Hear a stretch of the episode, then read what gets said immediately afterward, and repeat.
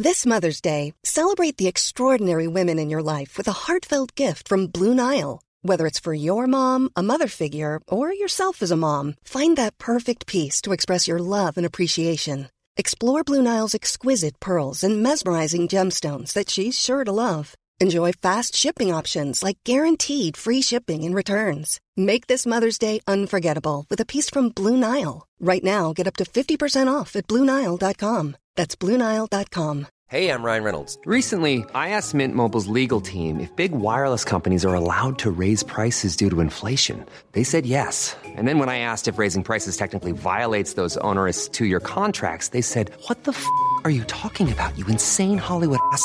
F- So to recap, we're cutting the price of Mint Unlimited from $30 a month to just $15 a month. Give it a try at mintmobile.com slash switch. $45 upfront for three months plus taxes and fees. Promo rate for new customers for limited time. Unlimited more than 40 gigabytes per month. Slows. Full terms at mintmobile.com.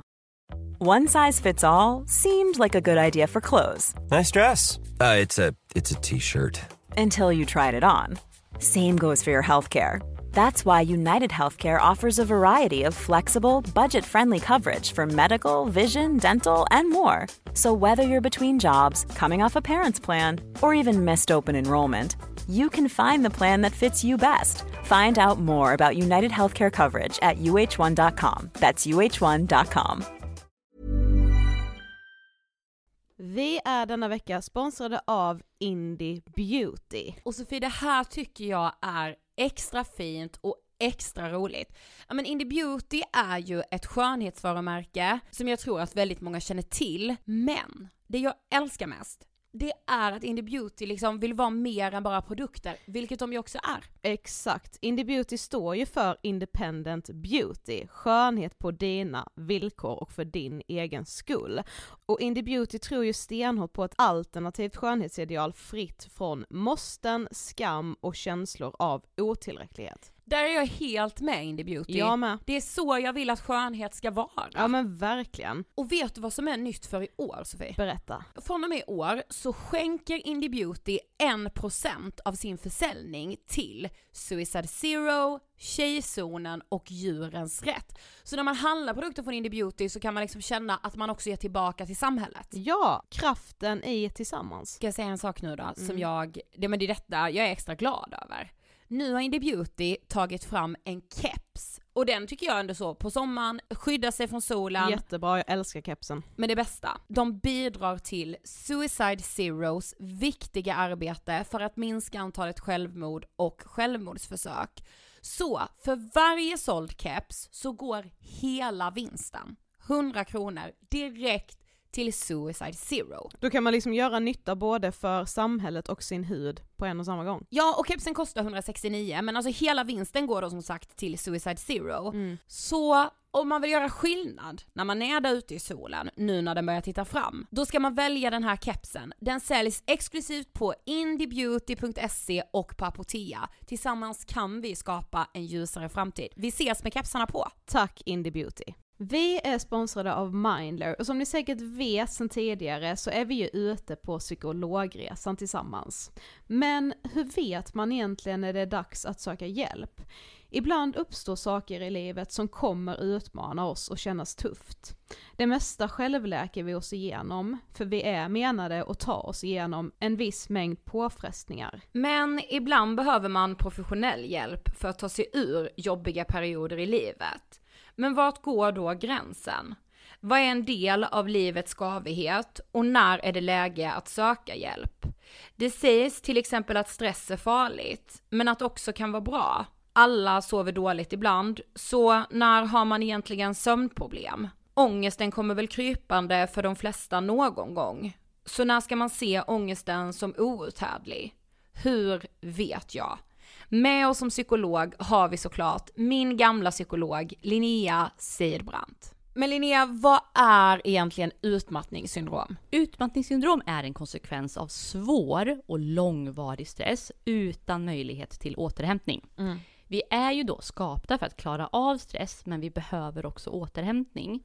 Om du utsätts för för mycket stress under en lång period utan att du får till den nödvändiga återhämtningen så kommer kroppen till slut att säga ifrån. Och det är faktiskt så att alla har en gräns.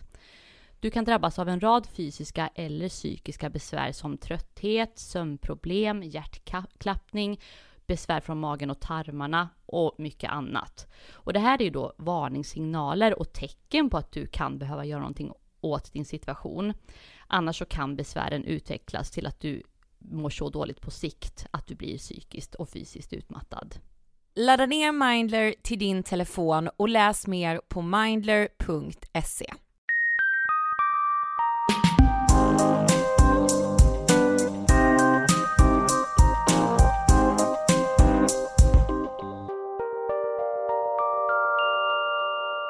Hej allihopa och välkomna till avsnitt 332 av Ångestpodden. Hej! Hallå! Jag har precis fyllt 28. Det har du. Alltså när vi spelade in det här fyllde jag ju liksom år igår. Hur känns det då? Ja, jag vet inte. Nej men alltså typ inte så farligt som jag tänkte mig. Nej, alltså, Alltså. nej men som vi, vi pratade ju med eh, Danne som vi jobbar med på Pank. Mm. Och han sa ju det bara, ni har ju de bästa åren liksom nu började på riktigt. Jag börjar känna det lite. Ja, inte jag faktiskt alls. Nej, Men jo okej. jag börjar, jag har verkligen, jag mådde ju skit när jag fyllde 25 va, men nu börjar Mm. det liksom, ja nu börjar jag känna lite pepp. Ah, Okej, Ja, ja. på livet framåt. Usch det låter ju skitdeppigt men jag fattar vad han menar vill jag bara ha sagt. Okej. Ja, Mm. det blir bättre. Jag Var- fattar ingenting. Var 28 i några månader så ska du se. Ja, du tror det. Mm. Ja. Nej, och sen så är jag ju jätteglad för eftersom Hammarby tog cupguld igår så vi är ju cupmästare. Ja. Vi säger jag. Mm. Eh, Jag blev jätte, jätteglad. Alltså jag grät på ett sätt, alltså du är så förlösande gråt. Mm. För att man blir, alltså jag bara såhär, jag är så lycklig nu att, Nej men glädjetårarna är ju de finaste tårarna vi har. ja, Mm. det, Det- ja, det var helt otroligt. Ja. Det var magiskt. Mm. Men annars då? Jag har funderat mycket på förlåtelse Mhm. eh, senaste tiden. Och vad det typ innebär för mig tror jag. Okej. Och att jag har, eh, jag är en person som har lätt att förlåta. Mm. Eh, och det är en egenskap som jag värnar, som jag tycker är väldigt fin. Mm. Eh, men jag vet liksom inte vad jag tycker är typ oförlåtligt. Och jag vet inte när ordet förlåt blir urvattnat. Eh, eller så här, jag vet inte vad som krävs för att jag ska känna att någon menar ett förlåt. Mm. Eh, och så samtidigt är jag så, men gud, någon måste ju ändå kunna be mig om ursäkt hundra gånger. För att, att vara människa är att göra jättemycket fel, Ja. att liksom begå misstag, att, ehm, att ångra saker, att ha ångest för att man är fel. Alltså tänk att vara en människa som bara säger nej va? Jag har aldrig behövt säga förlåt till någon för jag har alltid gjort rätt. Ja då vänder jag. Nej men verkligen, Ja. Mm. så då är det så här, vad bra, vad, vilken trevlig person du måste vara. Alltså, eh, Då har man ju ingen självinsikt om man, inte skulle, om man aldrig skulle känna att man behöver be om ursäkt. För då Nej. vet man ju inte vad man håller på med. Nej men precis, och så här. Men du vet, ibland så är man ju också rädd att det ordet ska bli urvattnat. Eh, det är liksom en tanke jag har kring förlåtelse. Eh, det andra jag har är att vänta på ett förlåt som inte kommer. Eh, och det har jag nog varit i ganska mycket det senaste året. Att jag har hoppats på förlåt från personer som har betytt jättemycket för mig. Ehm, och så har det inte kommit något förlåt. Men det har inte heller kommit något avslut på vår, våra liksom vänskapsrelationer. Utan saker och ting har liksom fortgått och man har låtsats som ingenting. Eh, både jag som har väntat på förlåt och också personer då som jag tycker ska be mig om ursäkt. Eh, men jag är liksom, jag är så osäker för jag orkar inte vara jättearg och jag orkar inte visa att jag är jättebesviken hela tiden. Men det där uteblivna förlåtet tar så jävla mycket plats. Gud, alltså det var verkligen att frasera, vad är det, det är Tranströmer va? Och även att Alex Schulman skriver det i hans och Sigges bok Tid. Eh, tomrummet, han skriver något om att tomrummet tar så mycket plats och det är fan bland det vackraste jag har Ja, hört i hela och mitt det är liv. ju väldigt, väldigt målande och så jävla sant. När man läser det så fattar man hur mycket olika tomrum man kommer ha genom livet. Mm. Som kommer vara det som eh, ärrar en och jag tror det är de tomrummen som, eh, ja men som, som präglar hur man liksom eh, beter sig i olika relationer, vad man har för relation till sig själv. Ja. Handlar väl väldigt mycket om olika saker som har skapat tomrum i en. Men jag tror Alltså med, alltså man- du vet, och det, det är det som är så sjukt för att allt jag har tänkt som ska ta plats i mig eller som ska vara liksom jobbigt att bära, att det ska vara så, alltså stora saker och det är det ju också, alltså det är stora saker som har hänt, jag kan berätta det.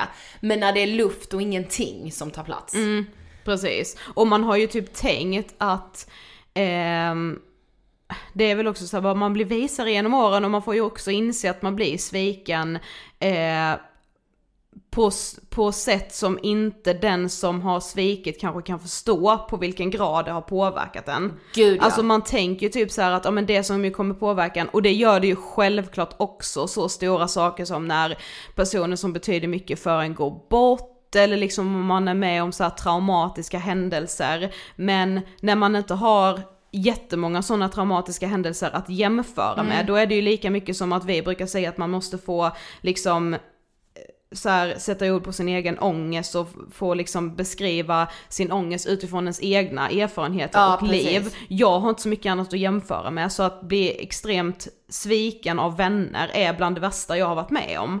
Och det måste det ju få vara. Men jag fattar ju också om andra tycker att det är jätteöverdrivet.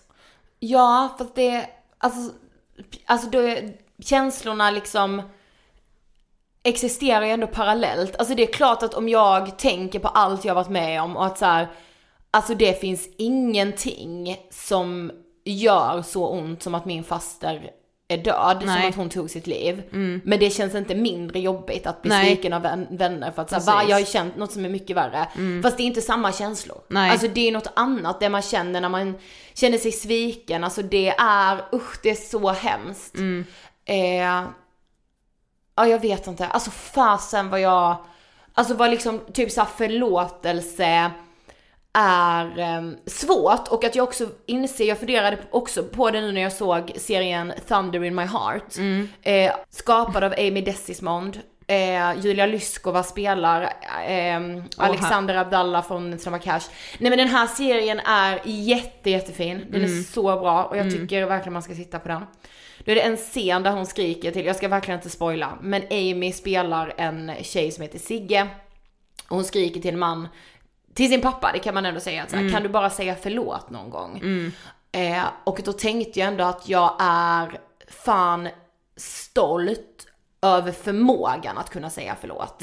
För att jag vet att den saknas många. Alltså vissa kan ju inte säga förlåt. Vissa har ju extremt svårt för att göra det. Och att det är så här. är det en sak man bara ska acceptera då? Nej, det är nog inte det. Utan Nej. det ligger hos den personen att jobba med. För det är en ganska så skadlig egenskap för andra människor om man inte kan säga förlåt. Men sen handlar det väl också om att så här, vad man, vad man menar att man vill ha i det förlåtet. Alltså, det kan ju vara en så, det, det är så klart att det skulle betyda bara jättemycket att höra orden. Men skulle det också betyda att man, man, vad vill man, vad vill man ska komma med det förlåtet? Vill du att det ska komma en normal vänskapsrelation ur det igen? Nej, nej, nej, nej. Nej, för det kommer du aldrig kunna göra. Nej, absolut inte. Nej. Alltså det, det finns ju inte på kartan. Nej.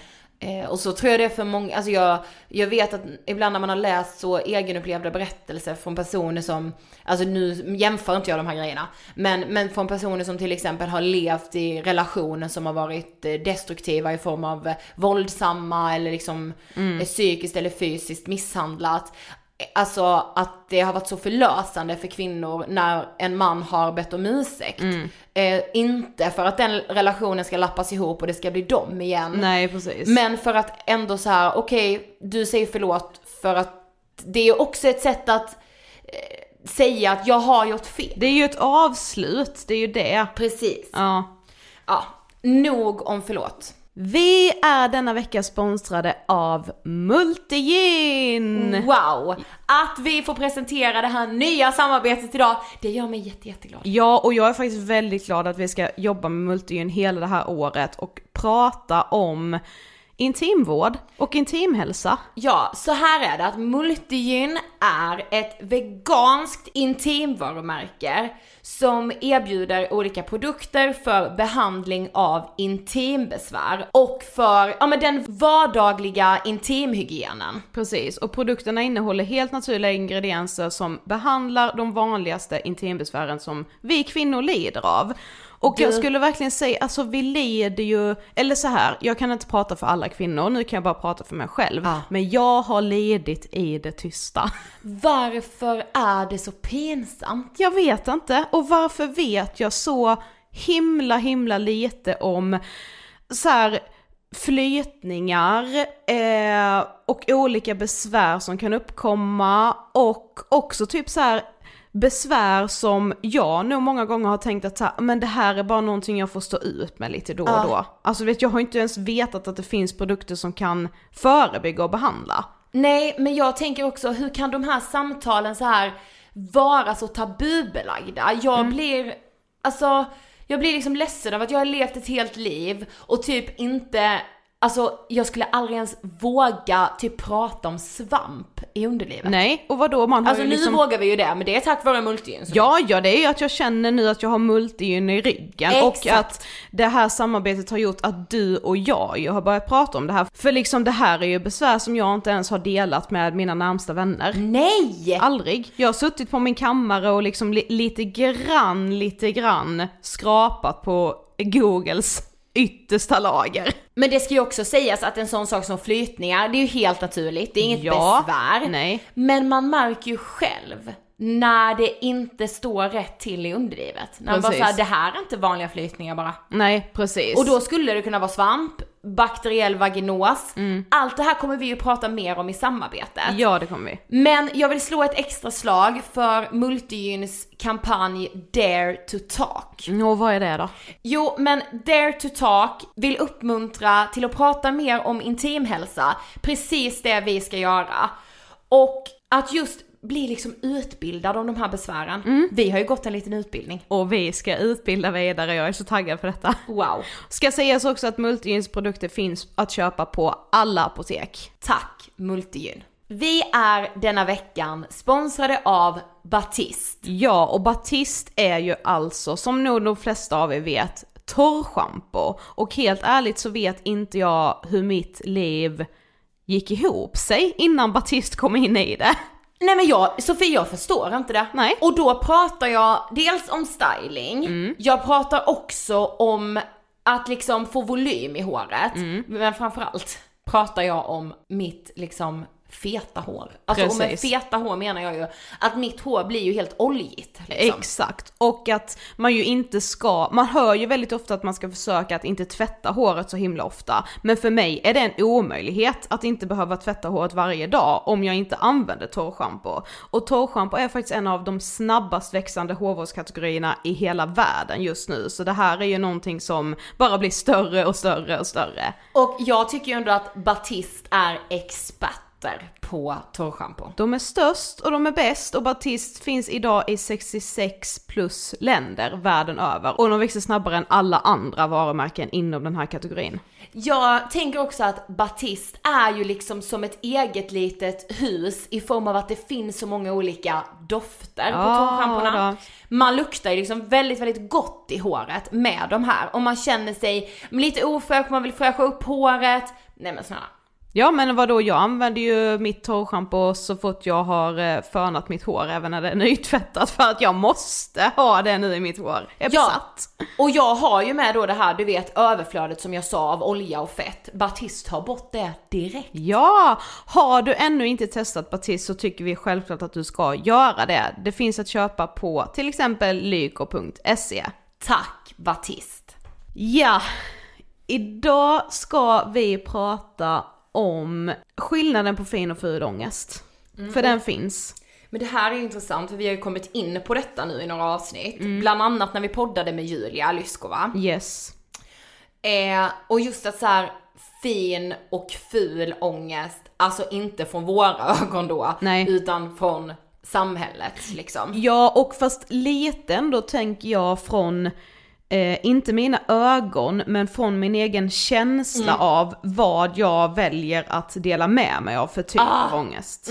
Eller vilken ångest jag liksom eh, spetsar till då med att eh, skämta om den, eller liksom eh, och också kan jag säga vilken ångest jag, jag kan fan pra- prata om typ vilken ångest som helst när jag sitter här och poddar. Men vilken ångest jag väljer att dela med mig av när jag pratar med en ny kompis, någon jag dejtar, alltså du vet såhär nya... Att jag behöver ställa in någonting på grund av min ångest, vad säger jag då? Ja precis. Då kanske det ändå är skönare för mig att säga att jag har feber. Ja exakt. Vilken ångest är jag ärlig med i mitt vardagliga liv. Liksom. Och också vad fan det gör för en när man vågar vara ärlig med den skitfula ångesten som är så fucking skämmig. Ja precis. Okej.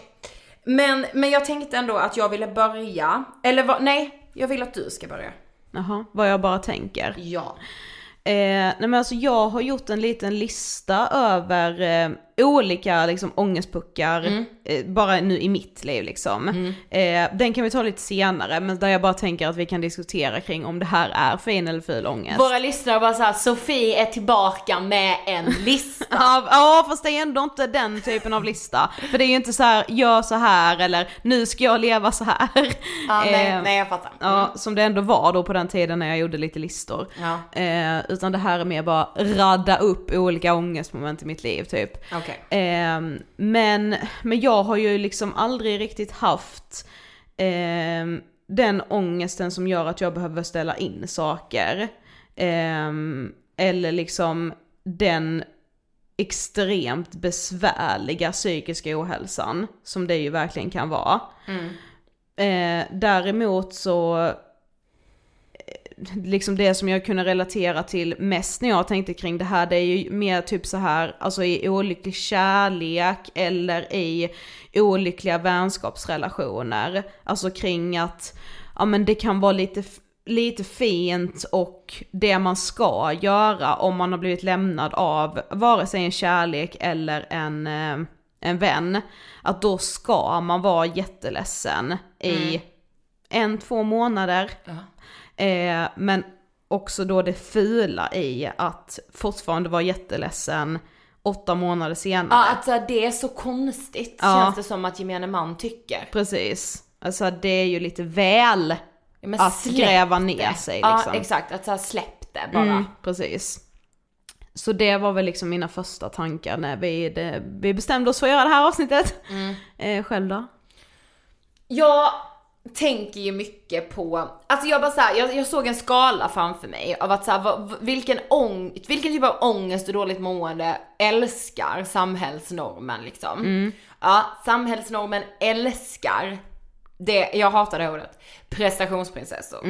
Alltså det är ju, och, och det vet man ju också, det används ju nästan, det ju, används ju inte ens som något dåligt. Nej, gud nej. Jag är en prestationsprinsessa. Ja, och jag vet att alltså det fattar jag ju finns bland män också väldigt mycket. Jag Ja. vet dock inte om det finns något myntat på samma sätt som prestationsprinsessa. Prestations- Men jag alltså- fattar ju verkligen att män också lever under liksom det här med att vilja vara den som vill bli miljonär, miljonär innan 30, Gud, ja. vilja vara extremt framgångsrik, Ja. vilja vara den som drar in skitmycket pengar till familjen, kunna ta hand om alla, alltså du vet så här, jag förstår ju liksom Den manlighetsnormen Ja, ja. den, den är ju också extremt stark. Men just så här prestationsking? Prestationsprins. Nej, det, nej jag tror inte heller det finns Nej. något ord så. Eh, men, men hela liksom den, alltså hela vår, alltså liksom den västerländska bilden av att så här, att vara en kvinna som orkar allt och går det extra steget, är tidigt till jobbet, är sent till jobbet, jag har barn och jag, fan jag sover fyra timmar. Mm. Och att det så här skulle vara sprunget och drivet av ångest. Det tror jag ju många gånger att det är. Ja. Men du blir ju också jävligt sedd på med blida ögon i form av att såhär wow, hur orkar du allt? Du, på helgen fixar du middag till, eh, till hela det här gänget och du gör det och det och det och det och det och det. Och liksom alltså du blir ju sedd på som en framgångsrik person genom att bara leva på det sättet. Ja. Vilket kan vara, som jag säger, det är ofta drivet av ångest, vilket ju är jätteskadligt och jättefarligt. Mm. Men du behöver ju inte skämmas Nej, för det. nej precis. Och jag kunde ju nästan, alltså under gymnasiet så var jag ju alltså så sjukt skoltrött. Alltså jag hade ingen motivation överhuvudtaget. Och jag var så här: nu pluggar jag så att jag klarar alla prov, vilket är skit, det räcker. Ja. Men jag kunde ju någonstans verkligen vilja vara em, alltså då, vill, alltså jag var ju såhär, varför känner inte jag det här prestationskravet? För det kommer kanske, tänk så kommer det göra att jag liksom ångrar mig en dag att jag inte satt uppe liksom. För du och vår kompis som vi ju var med mest i skolan, vi gick ju i samma klass liksom, ni satt ju uppe på nätterna.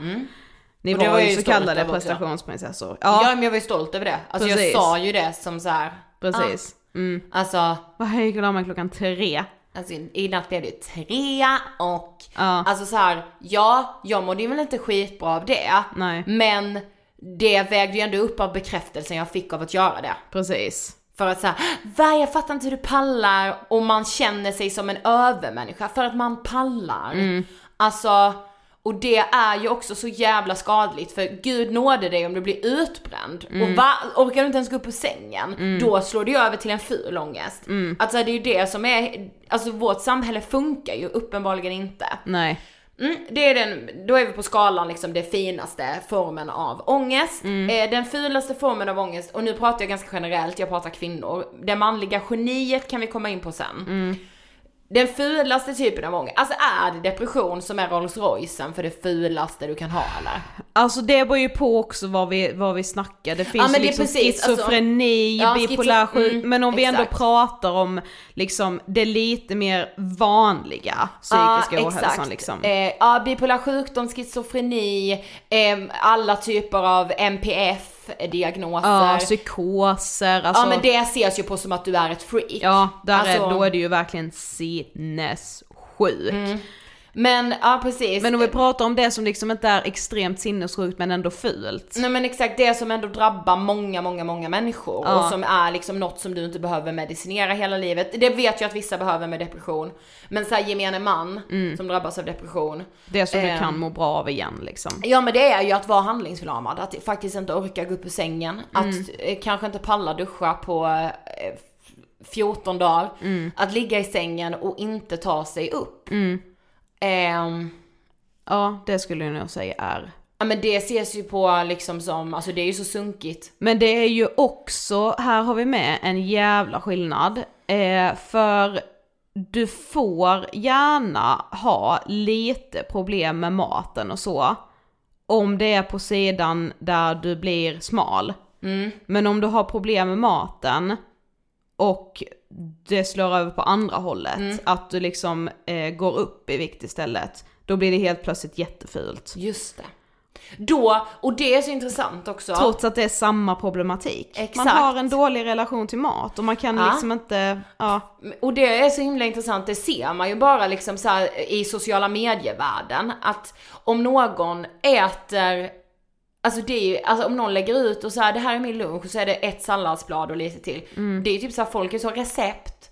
Men om någon lägger upp att de äter McDonalds, Ja, ja. du vet att det inte är bra med de här fetterna! Ja. Och så klär folk in det att så här, men jag bryr mig bara för det är faktiskt farligt med fetma. Mm. Fast ja, och där är det ju med så här, vilka är det som blir tillsagda? Ja men det är ju personer som redan då är tjocka Exakt. eller personer som har varit öppna med att de mår psykiskt dåligt. För då Precis. tycker folk att de ser liksom, ja men då kan jag, där ser vi en liten förklaring kanske till att hon mår dåligt. Det är ju för att hon äter dåligt. För det är ju också så här, du vet, den här sexiga bilden på en jävligt smal kvinna som ligger och poserar med typ en hamburgare med ja. så pommes där det bara rinner ostsås eller liksom en halvnaken kvinna med en pizzaslice. Ja, en det är väl ändå också någonstans det sexigaste som finns Mm. för att så här, fan vad det är sexigt med kvinnor som ändå äter. Man bara ja fast Nej, ni hatar kvinnor som äter. Ja, Fattar ja fast det? du såhär bara, ja nu, nu liksom hon, hon verkar ju kunna äta det för hon tar ändå hand om sig själv, det ser Ja, man på hennes det. kropp liksom och ja, jada jada. Och då är det så här, men vad ta hand om innebär? Ja. Det bryr, alltså vad just det begreppet är. Ja, precis. Hur kroppen kan se ut som den gör, det spelar ingen roll. Exakt. För nu visar hon ju att hon äter Ja. en pizza. Ja, ja, det är så jävla skevt också. Ja. Men, men jag har ju liksom, alltså när jag eh, var yngre var jag ju den typiska som du sa nu, prestationsprinsessan. Eh, och kunde vara väldigt stolt över det. Var, Tyckte att det var jättegött när någon sa på eh, utvecklingssamtalen att ja men Ida behöver inte lägga så mycket tid och hon behöver inte det här, hon behöver inte göra så mycket. Ja men och jag bara såhär, men jag vill det för jag, liksom, jag känner verkligen att jag vill det. Och, och den här höga, de höga kraven och allt sånt. Och jag, jag mådde väl inte helt bra av det, men Alltså det, vi jobbade så mycket med det, mamma och pappa var såhär, men snälla vad håller du på med? Har vi sagt något, har vi gjort något? Alltså jag var så driven själv på något sätt och så här, var ju jätterädd att de skulle komma på att jag satt och pluggade. För då blev de arga att så här, nu får du skärp dig, inget kan vara viktigare än att du faktiskt får en god natts sömn Ja, liksom.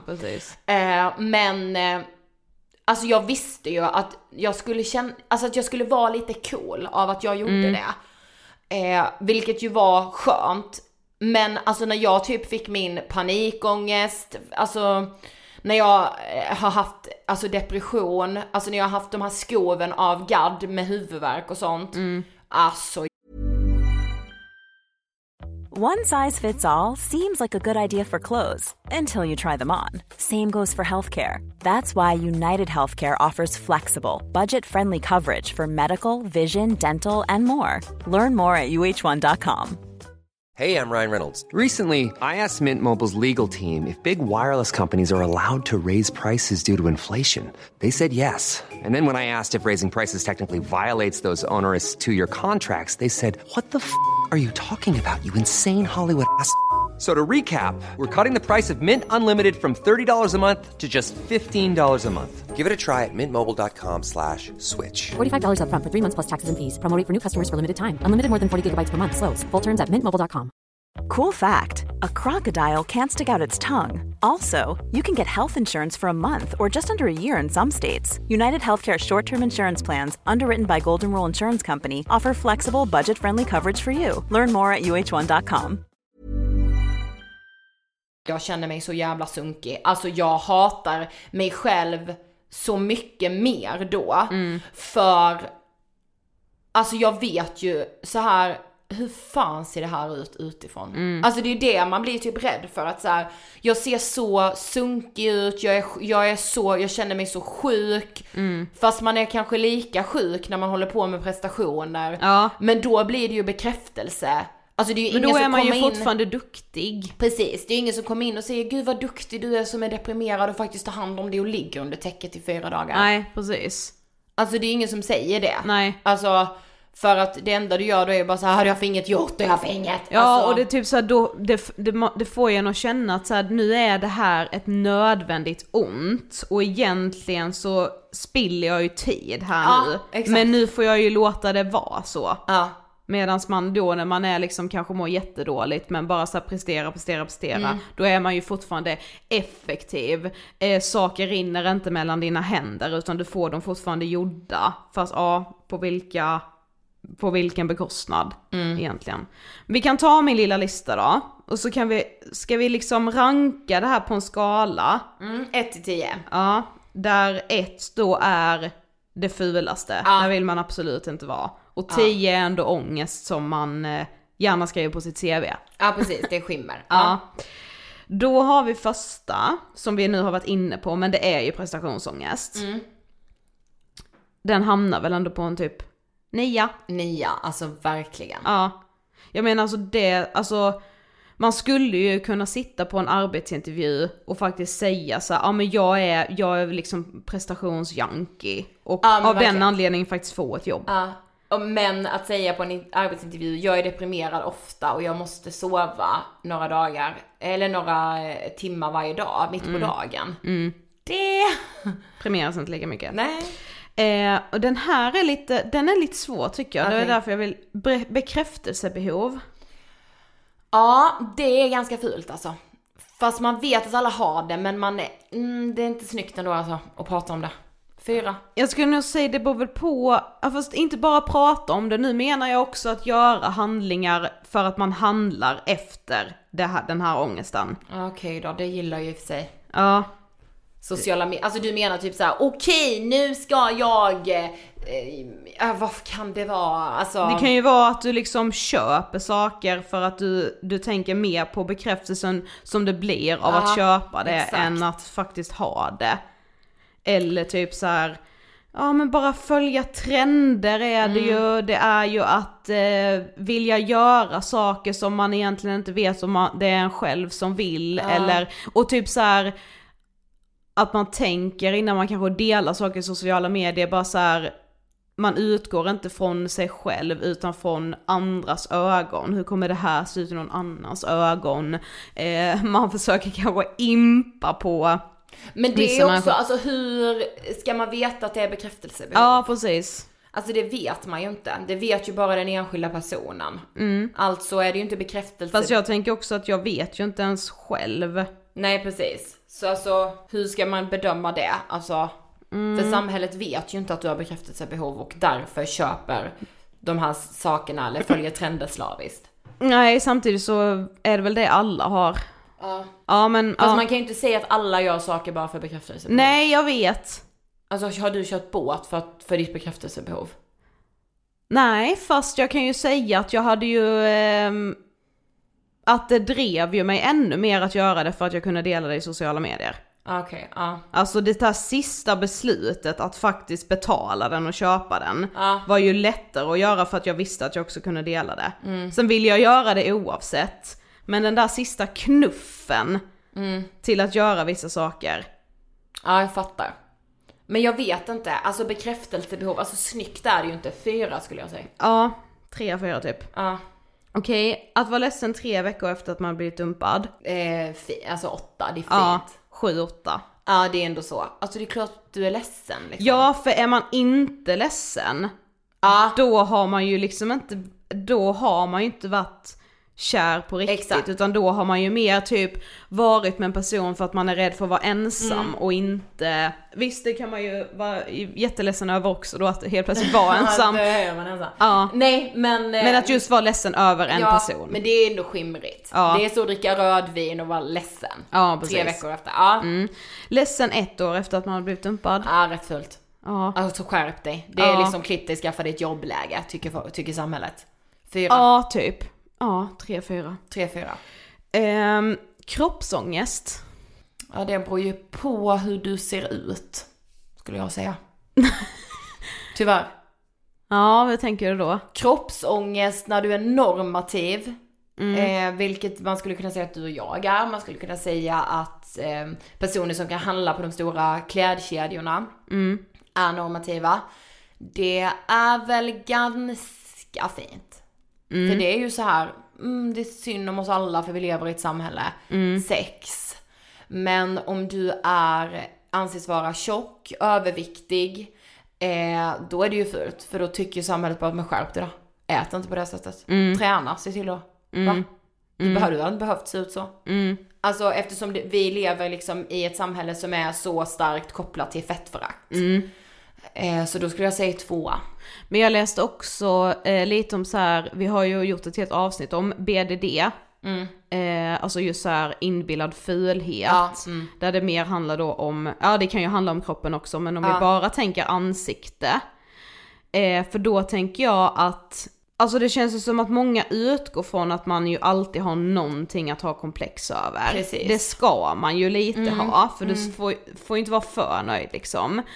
Ehm, och att man liksom ju kanske ska vilja se ut på ett visst sätt och att det då kan ju vara lite fint. Det kan ju också handla om att man där också vill följa med i trender i att så här, fixa brynen eller sätta Ja. dit eh, fransar, eh, lashlift och allt så. Precis. Men det kan också slå över extremt mycket i att så här, eh, hon kan aldrig visa sig osminkad. Ja, det är sant. Det är jävligt fult. Det är jättefult. Att alltid vilja vara den som är sminkad. Ja, exakt. Eh, så den är med, den kan gå från en, Precis. 8-9 Ja. till en 1-2. Det är sant. Det är jättesant. Ja. Gud vad spännande. Stress. Mm, det beror också på i vilken skala va? Ja. Eh, man pratar om liksom, åh gud jag är, nej men det är stressad, det är stressad, det är stressad. Mm. Då är det ju en åtta för då är du ju person på språng, du har många bollar i luften. Det går ju lite ihop med prestationsångesten. Precis. Mm. Men är det så här, eh, stress, jag hittar inte hem. Mm. Nej nej nej nej. Nej. Då håller du ju på att bli galen. Men det är ju man- det är ju också någonting man faktiskt kan bli alltså, jävligt rädd för. Och kanske en ångest som man inte ens, alltså det är en ångest man blir rädd för och då säger man inte ens det till sina närmsta. Exakt. Det är absolut ett sånt exempel på eh, saker man inte ens delar med sin innersta krets Precis. liksom. För att man blir rädd och vet att det är något som är fel. Ja men verkligen. Eh, bakisångest. Ja det är ganska normaliserat ändå va? Mm. Mm, men det är ändå så här. Fast det är ändå lite, när man, jag kan verkligen så här, man, det kan vara en ångest tycker jag som är, ehm, det är ju lätt att normalisera det och ganska lätt att liksom skämta om det när det har passerat. Men att vara i Ja, bakisångesten, det, då, det, då kan man inte skämta. nej då kan man inte skämta Igår- och man hade- kan inte ens prata om det. Jag hade bakisångest igår blir det när vi spelade in det här, alltså i söndags. Ja, eh, på din födelsedag.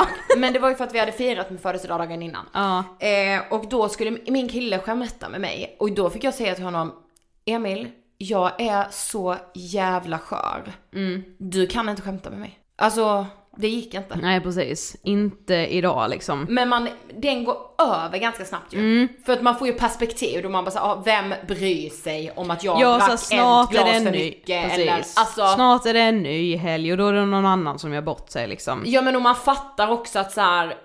jag är inte ensam om, alltså jag, ja det var fem, 50 andra som hade bakisångest från den festen, ja nu Mm. kanske man inte är på sådana fester just nu men alltså ni fattar att Mm. så. Ja. Eh, vad ska jag göra med mitt livångest? Rätt fult va? Mm. För jag menar, Eh, nu börjar den bli ful för nu är du, nu är du och jag snart 30. ja och då är det som är snälla. Ja. Då får jag ha en väg utstakad. Ja, och jag kan bli eh, jävligt stressad över att så här, jag, jag kan få lite samma ångest typ varje gång jag är hemma i Karlshamn som ju vi är nu.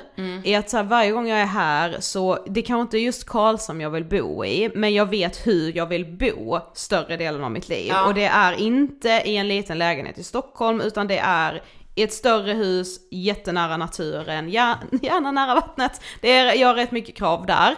Men, ehm, och då kan jag få en stress av att eh, ena delen av mig kan känna så här, ja men ta en dag i taget, plötsligt Ja. så eh, passar det bara att eh, flytta från Stockholm Mm. eller plötsligt så dyker det där eh, huset upp som du verkligen vill ha, vad det nu än är Mm. i Sverige. Men jag kan bli också stressad över att så här, fast om jag håller på och tänker så hela tiden så är jag så rädd att tiden bara går. Ja, jag jag känner verkligen hur tiden bara går. Mm. Ehm, och det kan få, det kan ge mig väldigt mycket ångest. Mm. Att så här, ja men någon gång, det känns som att jag typ måste bestämma mig för ett da, inte ett visst datum, men så här, innan det här. Ja exakt, ja, ja. Alltså så här, innan jag har fyllt det här. Sen vet jag inte när det skulle vara kanske, men säg så här, innan 34. Ja men så är jag också med, alltså så, alltså jag är i en relation och jag vet att jag vill ha barn någon gång. Mm. Men ibland kan jag vara så, ja men skitsamma, när, när det känns redo så känns det redo. Mm. Och så hör man dem säga, men man känner sig aldrig redo. Och det är så, gud måste vi sätta ett datum, måste vi? Ja Alltså, för annars kommer jag skjuta på detta. Ja annars kommer jag ju aldrig våga, Nej. liksom. Nej. Men så är jag så, jag vet att jag verkligen inte vill ha barn nu. Ja, Men tänk om jag känner så om fem år också. mm, precis. Åh, Ja. Så den, ja den är väldigt, eh, jag skulle säga nu, där jag är nu, känner jag ändå att den är ganska ful. Ja. Sexa. ja. Jag tycker fyrare. Okej. Fyra. Mm. Ja. Fem får vi enas om. Ja. eh, och sen har jag en sista. Ja. Eh, ensamhetsångest. Nu har jag ju liksom tagit sådana ångestsaker som jag tänker att alla känner någon gång i livet. Men det känns som att man skäms så mycket för det. Ja. Fast jag tror inte man behöver det så mycket. Nej. För den får man ändå mycket så här sympatier för, man förstår att det är jävligt jobbigt att känna sig ensam eller att vara ensam. Eh, ja, ja, det är svårt.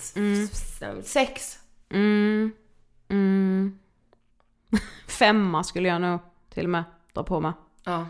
Vi är denna vecka sponsrade av Mendly!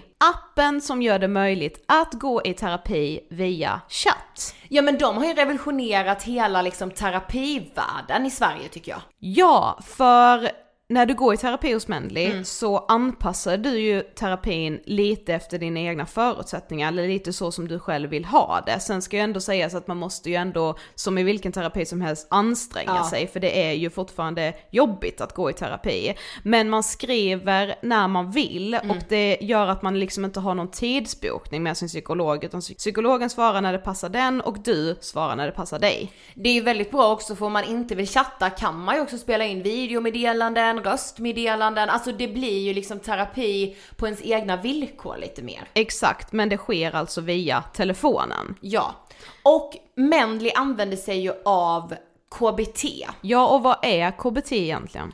Jo men kolla, alltså KB, KBT, kognitiv beteendeterapi, Sofie du vet, jag har gått i mycket KBT. Jag vet. Det är ju en psykoterapiform som lägger fokuset på tankar, känslor och beteenden. Och de här sakerna hänger ju såklart ihop. Men med KBT så arbetar man tillsammans med sin terapeut mot sina mål. Och man får lära sig om liksom de problemen man själv brottas med, hur de uppstår och varför de kvarstår. Sen får man lära sig att öva på att använda verktyg för att hantera sina problem och liksom ta kontroll lite över det som får en att må dåligt eller hur liksom olika beteendemönster kan påverka ens liv negativt. Mm, du kan vända dig till Mendley om du lider av till exempel ångest, oro, depression, stress, sömnsvårigheter, fobier eller nedstämdhet. Och det kan ju vara så att man är osäker på om man faktiskt kan få hjälp via Ja. chattterapi, men du kan alltid vända dig till Mendley och känner de att du behöver vända dig någon annanstans så hjälper de dig med det i sådana fall. Så ge det ett försök, jag har själv gått i terapi hos Mendley och jag blev verkligen, verkligen hjälpt. Tack Mendley. Jag vill prata lite om det man brukar kalla för det manliga geniet. Eh, ofta konstnärer, skådespelare, alltså du vet hela den. Men, men jag tror alltså annars med i stort. För nu, alltså än så länge i avsnittet känns det ju som att vi har utgått från oss själva mycket. Men så Alltså tänk, den unga kvinnan Precis. som kan vara verkligen just nu i hela bilda familj stadiet men också kan vara absolut inte där. Att Precis. Mm. liksom typ karriärmässigt eller så här, man har andra stora mål i livet. Men jag tänker att om du och jag hade varit två män som hade suttit här. ehm, oavsett ålder. Så hade vi kunnat säga att vi har en depression. Och därför har vi supit tio dagar i sträck. Vi kanske har knarkat. Vi kanske glömde att hämta barnen på eh, förskolan en, en eftermiddag till och med för att vi var så jävla packade. Och vi skulle inte bli uteslutna från några sammanhang överhuvudtaget. Nej. Eh, vi skulle ju också bara kunna säga att i den här depressionen så håller jag på att skriva en pjäs. Och då skulle alla tänka att han behöver det där. Han behöver bara supa ut både kropp och själ här nu i skapandeprocessen. Ja. Vet du, om man bara plockar ner det lite om man bara så ska applicera det just i så här, den åldern där vi är också, lite skillnad så mellan män och kvinnor. Det, kan, det här är kanske lite generaliserande, men att så här, om man är en kvinna som just nu i stunden inte har ett jobb, då är man arbetslös. Men är man en man, då är man mellan jobb. alltså här, det, då kan man nästan så lite romantisera att så ja ah, men shit de kan ju vara ute och supa mitt i veckan och gå runt och vara lite så eh, semibakis hela tiden för att de är ändå mellan jobb. Men det är ju också en lite ful sak att göra. Precis. Eh, ja. Att, ja men, alltså man kan, man kan säga mycket mycket om hela liksom den, alltså bara titta på all form av historia, all form av liksom eh, män som vi liksom genom tiderna har sett upp till, alltifrån vetenskapsmän till eh, skådespelare Mm. till konstnärer och så vidare. Eh, så finns det liksom alltid en ganska så sorglig historia. Mm. Men det känns som att alla tänker att Fast det är ändå värt det. För Mm. tänk vad vi fick genom Ingmar Bergmans pjäser. Fast man vet att så här, hmm, hur många barn blev sedda av honom? Jag känner Mm. inte hans barn och jag har, vet inte exakt men, men det är väl ändå ganska vida känt. Mm. Och att så här, har man läst Mikael Persbrandts bok så förstår man liksom inte riktigt att allt det där eh, har hänt samtidigt som han har fått behålla alla jobb. Eh, han har setts på som en av de bästa skådespelarna som Sverige någonsin har haft. Men framförallt har han ju, har ju alla haft extrem respekt. Verkligen, i Mm. alla rum. Eh, jag såg någon gammal intervju med, eh, där Filip och Fredrik intervjuade honom eh, och de frågade honom någonting för han hade slagit någon på en bar. Det var lite så skämtsamt och skrattigt ju när de pratade om det. Alltså en kvinna som skulle så här kasta sig ut och supa för mycket och knarka eller beskriva det som en del av sin skapande process. Alltså hon skulle ses på som ett psykfall, hon är hysterisk. Eh, medan mannen liksom blir idoliserad och upphöjd till geni. Oavsett. Och där ser man ju med att så, här, åh, han har så mörka sidor och han mår så dåligt i sin ångest. Och därför måste han göra allt det här. Medan till kvinnor är det så här, skärp dig. Ja, precis. Alltså varför ligger du inne? Alltså det är lite så som att man, eh, som man har man liksom då någon sorts ynnest i att det blir liksom lite, eller om man bara så här om jag ser det som att, eh, låtsas att jag är typ eh, teaterchef på Dramaten och jag vill ha Mikael Persbrandt i en, eh, ja i en, någon uppsättning liksom. Då blir det liksom mer så här. ja jag vet att jag inte kan lita på att han kommer dyka upp. Och jag vet inte vilket skick han kommer vara när han ska spela pjäserna. Ja nu vet man ju förmodligen det. Ja, men då men nu var... menar jag då när det var liksom High Chaparral, nu tar vi bara honom som ett exempel. För att han har varit öppen själv och skrivit om det här i sin bok. Eh, men det blir liksom det coola i att, ja men tänk vad bra det blir om han kommer. Eller Ja. liksom så här, att man då blir som kvinna, blir jag den som har lyckats få dit honom. Ja. Men jag skulle aldrig anlita en kvinna, för som kvinna ska du vara den som man alltid kan lita på. Precis. Och kan man inte alltid göra det, då blir du bortvald direkt.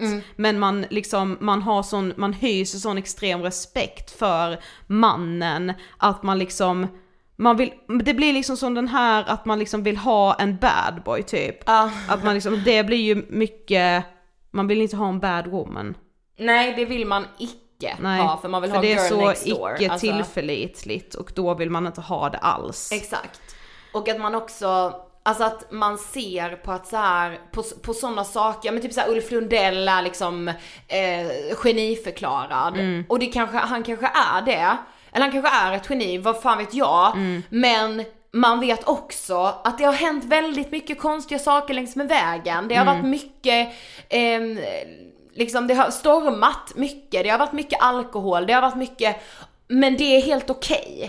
Men det är aldrig helt okej för en kvinna. För hon blir en dålig mamma, hon blir en dålig partner, hon blir en dålig arbetskollega, hon blir en dålig förebild framförallt. Ja men nu jag kan känna mig som att så här, eh, vi kvinnor som ändå pratar om eh, psykisk ohälsa och eh, alltså vi är ju många stycken nu som är, Ja. det har ju liksom ändå, det är ju en stor grej i sociala medier att man pratar om sin ångest och så. Men då ska man ändå vara en kvinna som kan liksom skämta om sin psykiska ohälsa eller liksom vara lite skön kring den. Men man pratar aldrig riktigt om det här riktigt, riktigt besvärliga i när man liksom mår så jävla dåligt, man liksom drar in sina nära och kära i mycket oro kanske, man åker till psykakuten, alltså man kan ju vara öppen med att man åker till psykakuten också, men man gör det ändå på ett väldigt lättsamt sätt, vilket jag tror på ett sätt är jätteviktigt och skitbra och gör jättestor skillnad. Men det blir ändå som att man liksom lite, man pratar om det för att man har ett mål om att hamna upp mot 10 på den här skalan som vi har pratat Mm. om nu. Man liksom, man vill inte erkänna hur, hur, hur jävla fult det kan vara liksom. Alltså jag vet liksom Nej. inte riktigt hur jag ska förklara men det känns bara som att så här. Jag tror jättemycket på det här med att prata om lättsamhet kring psykisk ohälsa, jag tror det är jätteviktigt. Men det är ju därför man fortfarande mår, det är därför du fortfarande känner dig så satans sunkig när du har haft de här gaddskoven. För att du har ju också en bild av att så här, hur mycket ångest du än har så ska du fortfarande kunna göra ångestpodden. Men så här, för att det blir, det blir för nära och för fult av att behöva ställa in saker. Eller behöva känna att så här, jag kan inte dra upp rullgardinen idag. Alltså, och då är man nere på nollan på skalan liksom. Men det är ju typ som nu, alltså när det liksom blir varmt och sommar, alltså jag har en ångest latent. Som också handlar om att varför är jag inte ute, varför tar jag inte vara på varje sekund? Alltså, och att så här, för att jag inte vill, men jag är ju dum i huvudet som inte vill. Alltså jag är ju sjuk, är jag sjuk som inte vill, hur kan jag inte vilja? Jag bryr mig inte, jag Nej. vill inte trots att det är sol, jag kan ligga inne. Mm, jag bryr mig inte liksom. Nej men det kan jag inte för att jag känner att jag gör fel. Alltså, åh gud, jag vet inte. Men det är bara, alltså just hela den här manliga genigrejen och att det liksom alltid bottnar sig i någon ångest och man har sånt överseende med de här männen liksom. Alltså man har hört historier från män så många gånger som såhär, glömt att hämta barnen där, ah, jag har fan inte sett mina barn förrän de blev vuxna och kunde hänga med på turné. Alltså det är typ så här. Alltså vad fan skulle hända om en kvinna sa så? Ja. Men det går ju inte att säga, men när jag har depression kan inte jag hämta mina barn. Nej men så här, jag vet inte vad som skulle hända för en kvinna säger inte så. Nej, för men det finns exakt. för stora risker med att göra det. det, det är förenat det med då blir det ju enorm- för fult. Då blir det ju Precis. alldeles för långt ifrån den tian. Men om en man har så mycket ångest att han inte orkar hämta sina barn, då är det helt okej. Det är helt okej. Mm, men det är också för att det är en kvinna där som krattar. Ja. Precis. Mm. Ja, det här var fin och ful ångest. Ja, för oss i alla fall. Mm. Det finns såklart väldigt mycket att diskutera kring det här. Ni får jättegärna skriva till oss på Instagram till exempel, där heter vi Angespodden. Eh, ni kan också mejla oss på angespodden at ingetfilter.se. Jag lovar att jag ska försöka bli bättre på att prata om min fulångest. Ja. Mm. För när någon väl gör det, när någon är i den nerven, när, alltså då, alltså det är så skönt att känna det mänskliga. Precis. Och jag hoppas att vi lyckas frambringa det i den här podden då och då i alla fall. Precis, ja för att det har jag nog ändå fått, jag har fått ha lite självinsikt i att så här, alltid kan vi inte det. Nej. Och det, först- alltså för det, det fattar jag också och där är jag på tal om att förlåta, förlåtande mot mig själv för man orkar inte det. Men jag hoppas att vi lyckas frambringa det då och då, som sagt, ibland. Eh, för att det också är väldigt viktigt. Ja, mic drop. Nej men eh, vi hörs nästa vecka igen. Ja, och då har vi med oss en gäst som har varit så önskad, nämligen Sanna Bråding. Ja, det blir jättetrevligt. Ja, det blir otroligt faktiskt. Ha det bäst tills dess. Hej då!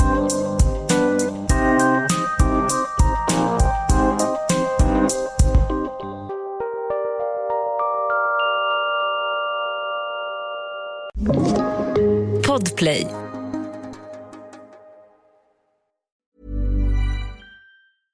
Mom deserves the best, and there's no better place to shop for Mother's Day than Whole Foods Market. They're your destination for unbeatable savings, from premium gifts to show-stopping flowers and irresistible desserts. Start by saving 33% with Prime on all body care and candles. Then get a 15-stem bunch of tulips for just $9.99 each with Prime. Round out Mom's menu with festive rosé, irresistible berry chantilly cake, and more special treats. Come celebrate Mother's Day at Whole Foods Market. Even when we're on a budget, we still deserve nice things. Quince is a place to scoop up stunning high-end goods for 50 to 80% less than similar brands. They have buttery soft cashmere sweaters starting at $50, luxurious Italian leather bags, and so much more. Plus, Quince only works with factories that use safe, ethical, and responsible manufacturing. Get the high-end goods you'll love without the high price tag with Quince. Go to quince.com slash style for free shipping and 365-day returns. Imagine the softest sheets you've ever felt. Now imagine them getting even softer over time. That's what you'll feel with Bowl and Branch's organic cotton sheets. In a recent customer survey, 96% replied that Bowl and Branch sheets get softer with every wash. Start getting your best night's sleep in these sheets that get softer and softer for years to come. Try their sheets with a 30-night guarantee. Plus, get 15% off your first order at bowlandbranch.com. Code BUTTERY. Exclusions apply. See site for details.